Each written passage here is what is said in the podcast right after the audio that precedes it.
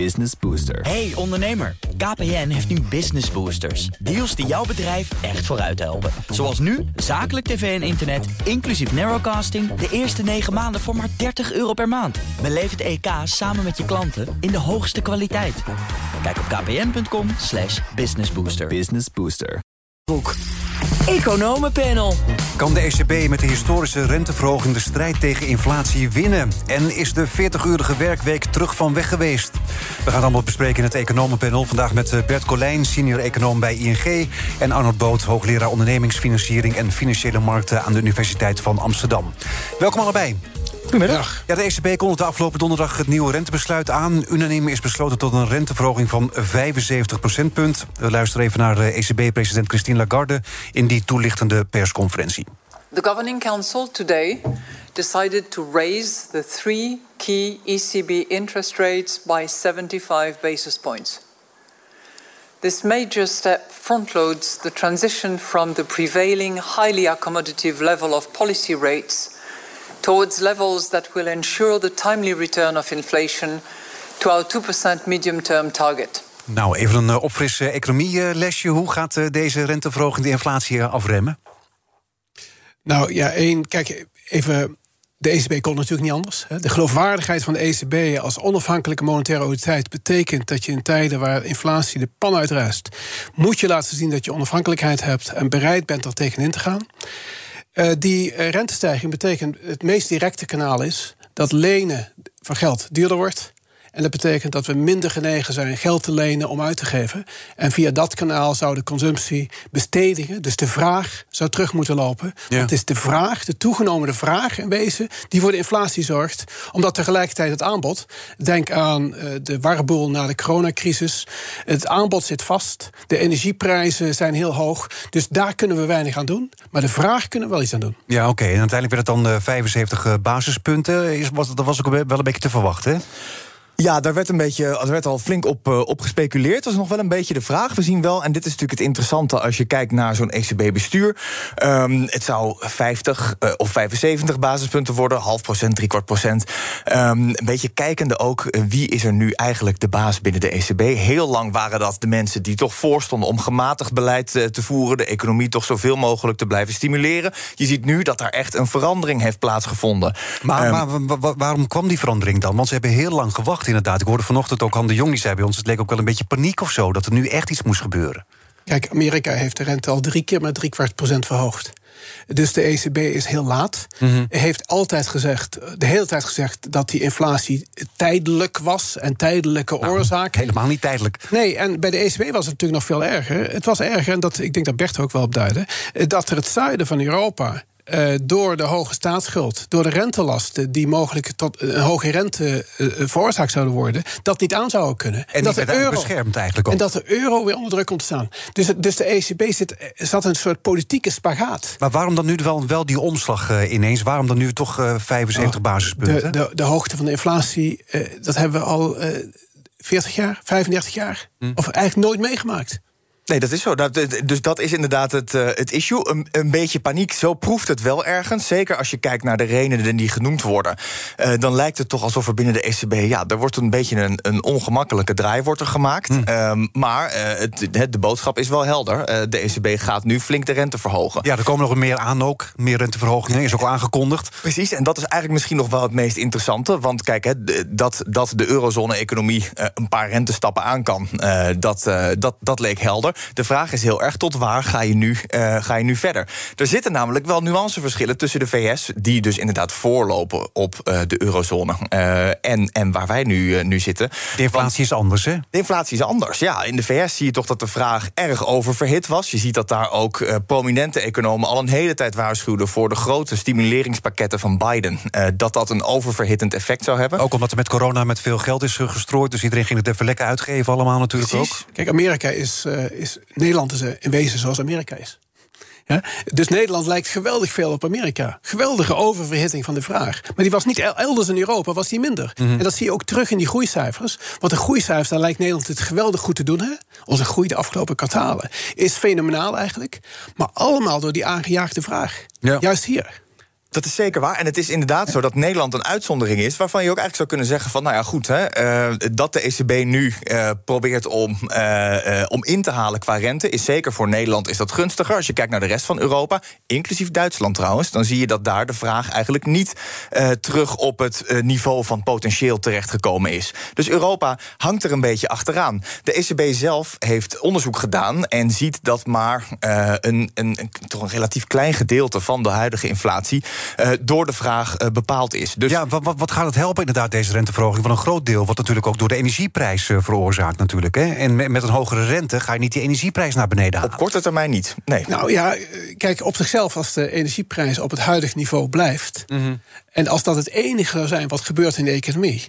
dan stopt de inflatie natuurlijk. Ja, dan zijn de uiteindelijk gaat het eruit natuurlijk inderdaad. Ja, dan zijn de prijzen stabiliseren ja. op een hoog niveau. Ja, ja. Maar, dus, maar wordt niet lager mee natuurlijk. Nee, maar, maar lager mee, prijzen lager. Kijk, energieprijzen zullen lager worden. Maar de doorberekening in producten en de doorberekening via arbeidskosten en producten. Ja, daar zijn we terug bij, uh, bij de grote econoom Keynes aan het begin van de vorige eeuw. Lonen zijn rigide naar beneden. En uiteindelijk heel veel prijzen ook. Dus we gaan uiteindelijk eindigen op een hoger prijsniveau, mm. hoger, hoger loonniveau. Maar op zichzelf is dat niet erg. Als het op dat moment stabiliseert, dan zitten we weer in een stabiele situatie.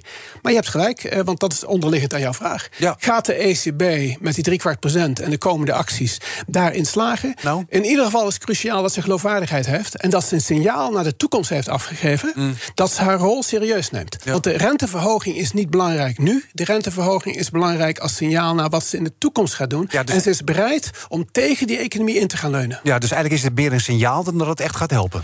Dat uh, denk ik wel, want op korte termijn gaat de inflatie hier absoluut niet door naar beneden. Monetair beleid heeft überhaupt een doorwerking van, nou, hè, dan moet je eerder moet je aan een jaar, anderhalf moet je Mm. wel denken voordat het echt impact heeft.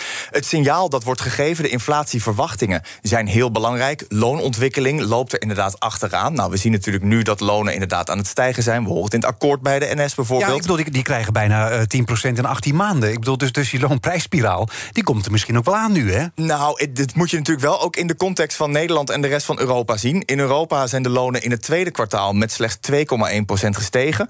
Dus wat we eigenlijk zien is dat er, er is momenteel nog geen enkel bewijs van een loonprijsspiraal. Uh, maar, maar, maar, maar, de zorg is, over dat het over dit is wel een grote CAO natuurlijk, hè? Bijna nee, 10 nee, ze, krijgen, ze krijgen zelfs meer dan 10 procent. Ja, ze krijgen ook, ook nog vaste bedragen. Ja, die 1000, uh, 1000 euro kijk, twee keer. Als je de inflatie niet beheerst, dan krijg je die loonprijsspiraal, die komt terug. Mhm. Mm -hmm. Want uiteindelijk zijn de werknemers gaan niet accepteren dat hun lonen bij de inflatie achterlopen. En daarom is dit het signaal zo belangrijk. Zo van de ECB probeert die inflatie weer naar beneden te krijgen, weer naar die 2% te krijgen. Dus vraag maar niet meer loon. Voor, nee, de signaal is voordat de loonprijsspiraal ingebakken raakt. Mm -hmm. Want er is er natuurlijk wel degelijk. Dit akkoord heeft een veel hogere loonstijging dan, dat, dan ooit het plan was. Ja. Dus de loonprijsspiraal is begonnen. Maar voordat hij vaste voet krijgt, vast geworteld raakt, moet die inflatie onder controle komen. Dat is het verhaal. Ja. Dat ja. is in ieder geval wat de ECB probeert. Maar het interessante is natuurlijk wel dat als je naar andere landen kijkt, dan doemt veel meer de vraag op in hoeverre de ECB bij moet remmen om die vraag af te koelen. Als je überhaupt al te maken hebt met een economie die steeds slechter gaat presteren. En dat maakt het voor de ECB verduiveld moeilijk. Het punt waar ze nu op staan. Ja, maar je kan ook zeggen van die economie die koelt vanzelf al af natuurlijk. Hè? Want we gaan natuurlijk langzamerhand een recessie in. Nou, dat, dat is natuurlijk een beetje wat we zien. We zitten nu op een kantelpunt in de economie. Waar als je kijkt naar uh, de meest recente cijfers, dan beginnen die steeds slechter te worden. Omdat consumenten met steeds hogere gasrekeningen geconfronteerd worden. En daardoor keuzes maken in hun consumptie. Dat is in andere landen zo. Maar ook zelfs in Nederland, waar we te maken hebben met een hele sterke arbeidsmarkt, zien we daar ook de eerste tekenen al van in onze pintransacties. Mhm. Mm -hmm. Nominaal uh, bestedingen 4% minder in uh, augustus ongeveer dan dat we in mei al zaten.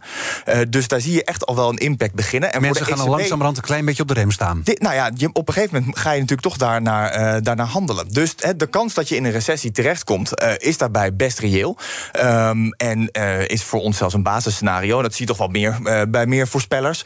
Um, tegelijkertijd zegt de ECB heeft dat nog niet in hun uh, scenario staan. Dus de ECB is optimistischer dan de meeste mensen over wat voor impact dit alles op de economie heeft. Mhm. Mm -hmm. um, en het gevaar wat daar dus bij heerst is, he, ze moeten inderdaad een signaal geven, helemaal mee eens. Maar en vraag nu, heel erg ze, hoeveel rem je. Ja, en ze moeten nu ook doorgaan met die renteverhogingen, want die zijn aangekondigd. Ja, maar kijk naar het niveau van de rente.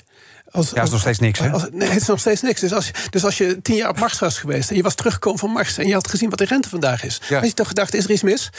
eh, ont, ontbreekt er een cijfer? Ja. Eh, dus, dus in zoverre is het... eh, de signaalwerking en de richting... is veel belangrijker dan het precieze niveau. En, eh, en ik zelf hè, ben, veel, ben optimistischer. Ik hou niet van woorden zoals recessie. Recessie betekent gewoon twee kwartalen... dat die groei negatief is.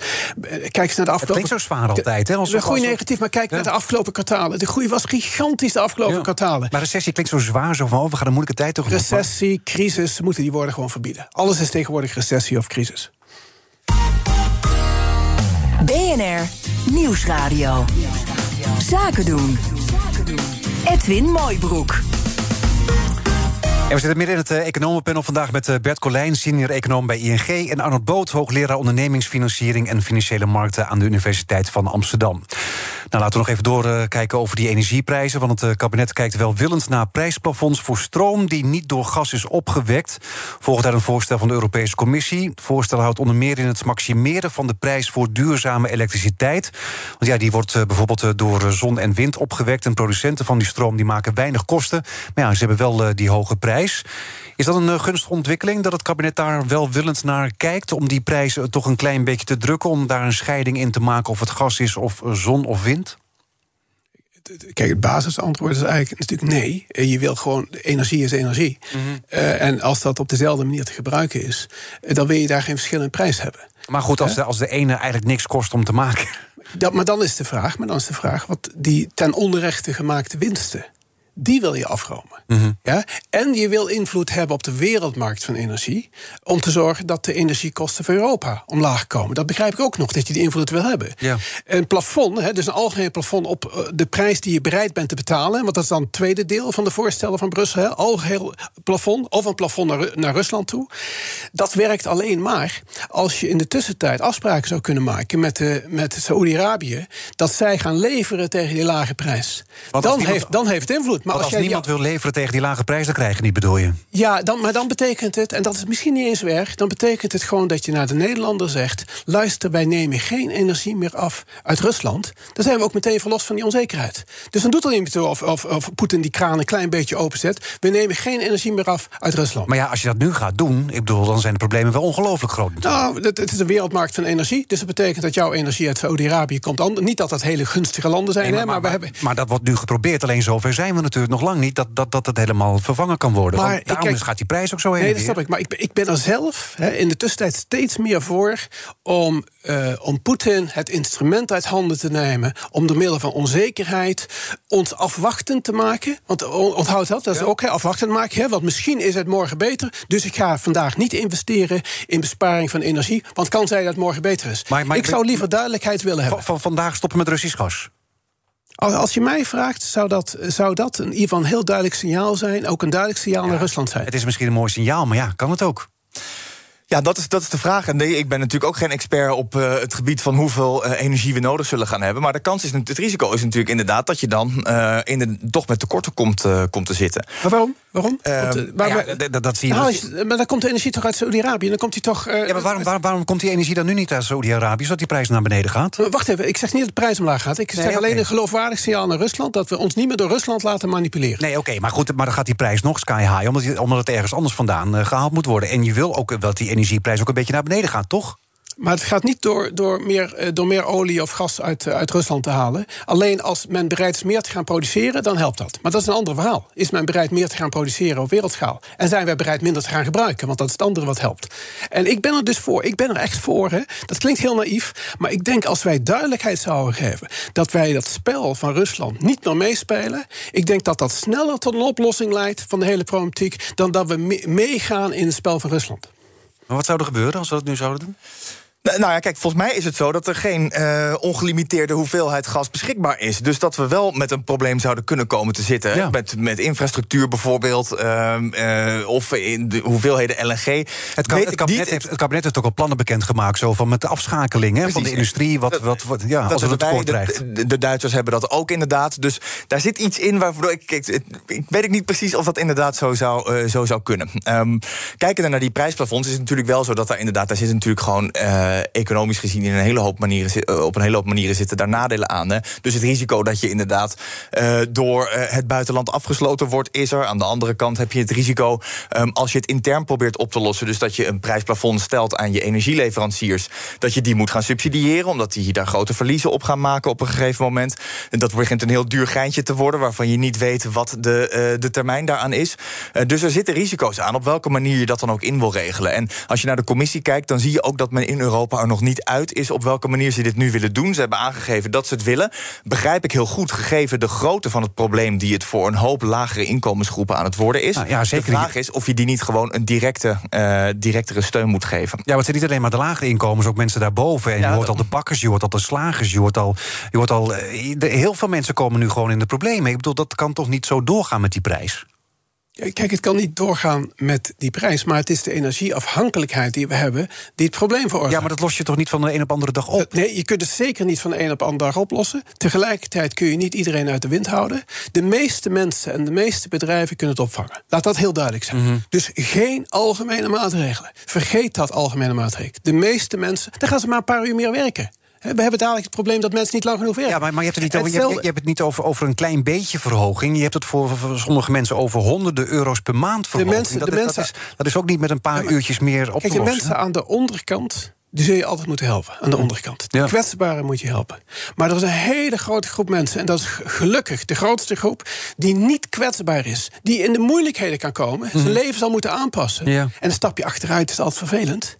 Maar we gaan niet terug naar 1820. Hè? We gaan terug naar het welvaartsniveau van 2005. En was 2005, toen leefden we echt ook al in mooie huizen. Hadden we echt ook al een redelijk grote welvaart. welvaart. Dus je moet de onderkant moet je helpen. En de rest moet inderdaad zijn eigen problemen oplossen. Nou, Frans Timmermans was gisteren in de Buitenhof. Hij zei ook dat de urgentie bij Nederlandse politici lijkt te ontbreken. Uh, hij pleitte ook eh, voor een eh, voorstel van GroenLinks en PvdA... om de prijs van de eerste 1500 kub gas voor een gezin vast te zetten... op de prijs van januari en alles wat je meer gebruikt, nou, dat wordt dan de marktprijs. Is dat een goed idee? Het is in zoverre een goed idee dat aan de marge moet je zorgen dat men de volle prijs betaalt. Dus als men, dat men belang heeft om zuinig met energie om te gaan. En hoe hoger die prijs aan de marge is, eigenlijk hoe beter. Want dan kun je meer te besparen door die temperatuur een, een, een gaatje naar beneden te zetten. Dus wat hij eigenlijk zegt is: je moet een vaste bedrag geven aan mensen, waardoor men niet in de problemen komt. Nee, voor de basis. Voor, voor de basis. En dat moet je doen eigenlijk aan de onderkant, aan die mensen doen. Als je het aan iedereen geeft, dan moet je alles, geen daarboven extra duur maken. Want anders kost het veel, veel te veel geld. En die besparingen zijn het allerbelangrijkste. Dat is misschien nog wel het belangrijkste om te zeggen. Hè. Het gaat uiteindelijk gaat het erom dat we zoveel mogelijk, uh, om het zo pijnloos mogelijk te maken, zoveel mogelijk, ja, toch onnodig uh, nou, gebruik dat we dat. Met, met deze prijzen gaan mensen wel uh, besparen, denk ik. Maar goed, laten we het hebben over iets. Dat is goede nieuws. Ja, okay. dat is nieuws. Mogelijke oplossingen voor de arbeidsmarktkrapte is dat mensen meer gaan werken, zeggen VNO, NCW, MKB Nederland en de AWVN. Um, ehm, ja, een kwart van de mannen werkt minder dan 35 uur. Bij vrouwen is dat 70 procent. Zo blijkt uit de nieuwste CBS-cijfers. Is dat een oplossing voor de huidige arbeidsmarktkrapte... om eh, gewoon eh, meer te gaan werken, 40 uur?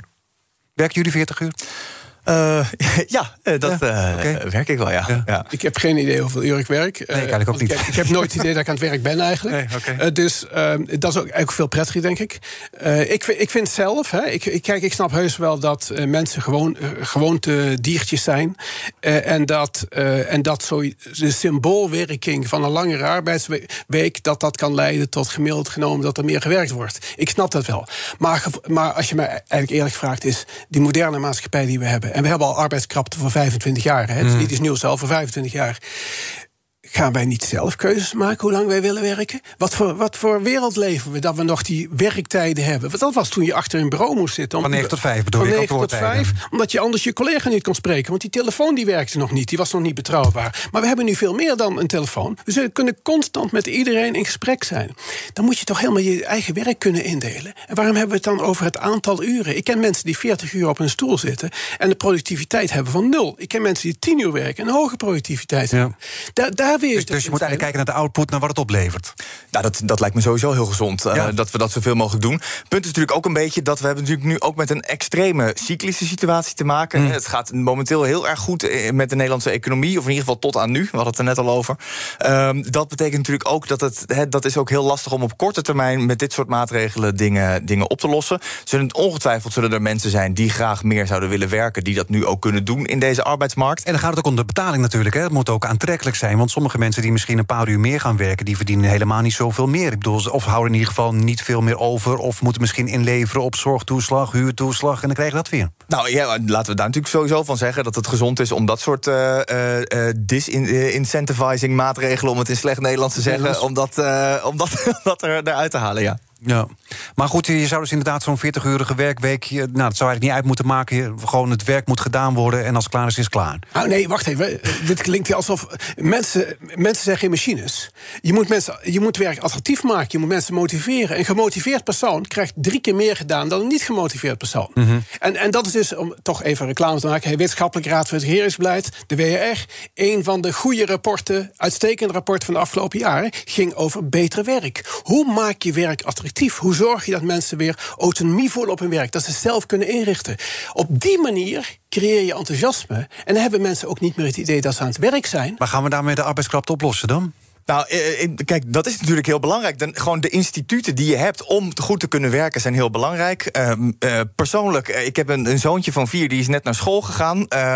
als je kijkt naar de BSO's, die nemen allemaal geen kinderen aan, omdat er zo weinig oh, mensen zijn. Buitenschoolse opvang, ja. ja, ja afkortingen uit. Ja, nee, precies, een afkorting. Ik dacht meestal met de ECB kwam ik al weg. Ik denk BSO ook wel, maar dat gaat. ECB kom je bij BNR wel weg. Ja, precies. Nou, BSO hopelijk ook nu. Ja, ook ING gaat ook nog net. Ja, oké, vooruit, vooruit. Maar goed, dus die BSO's die nemen helemaal geen uh, geen nieuwe kinderen aan vanwege de krapte. Dus de instituten om meer te gaan werken zijn er vanwege de krapte al niet. Ik denk dat de problemen momenteel zijn ze, zijn ze breder dan het gewoon mensen vragen om 40 uur te gaan werken. Want het is in sommige gevallen uh, helemaal niet eens te doen. Gewoon gegeven de infrastructuur die je thuis op moet zetten daarvoor. Oké, dank jullie wel. Bert Colijn, senior econoom bij ING. En Arnold Boot, hoogleraar ondernemingsfinanciering en financiële markten aan de Universiteit van Amsterdam. Zometeen gaan we hier weer zaken doen op de krappe arbeidsmarkt.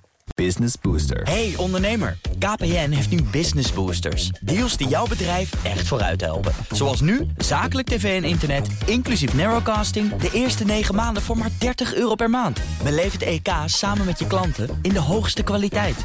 Kijk op kpn.com businessbooster. Business Booster.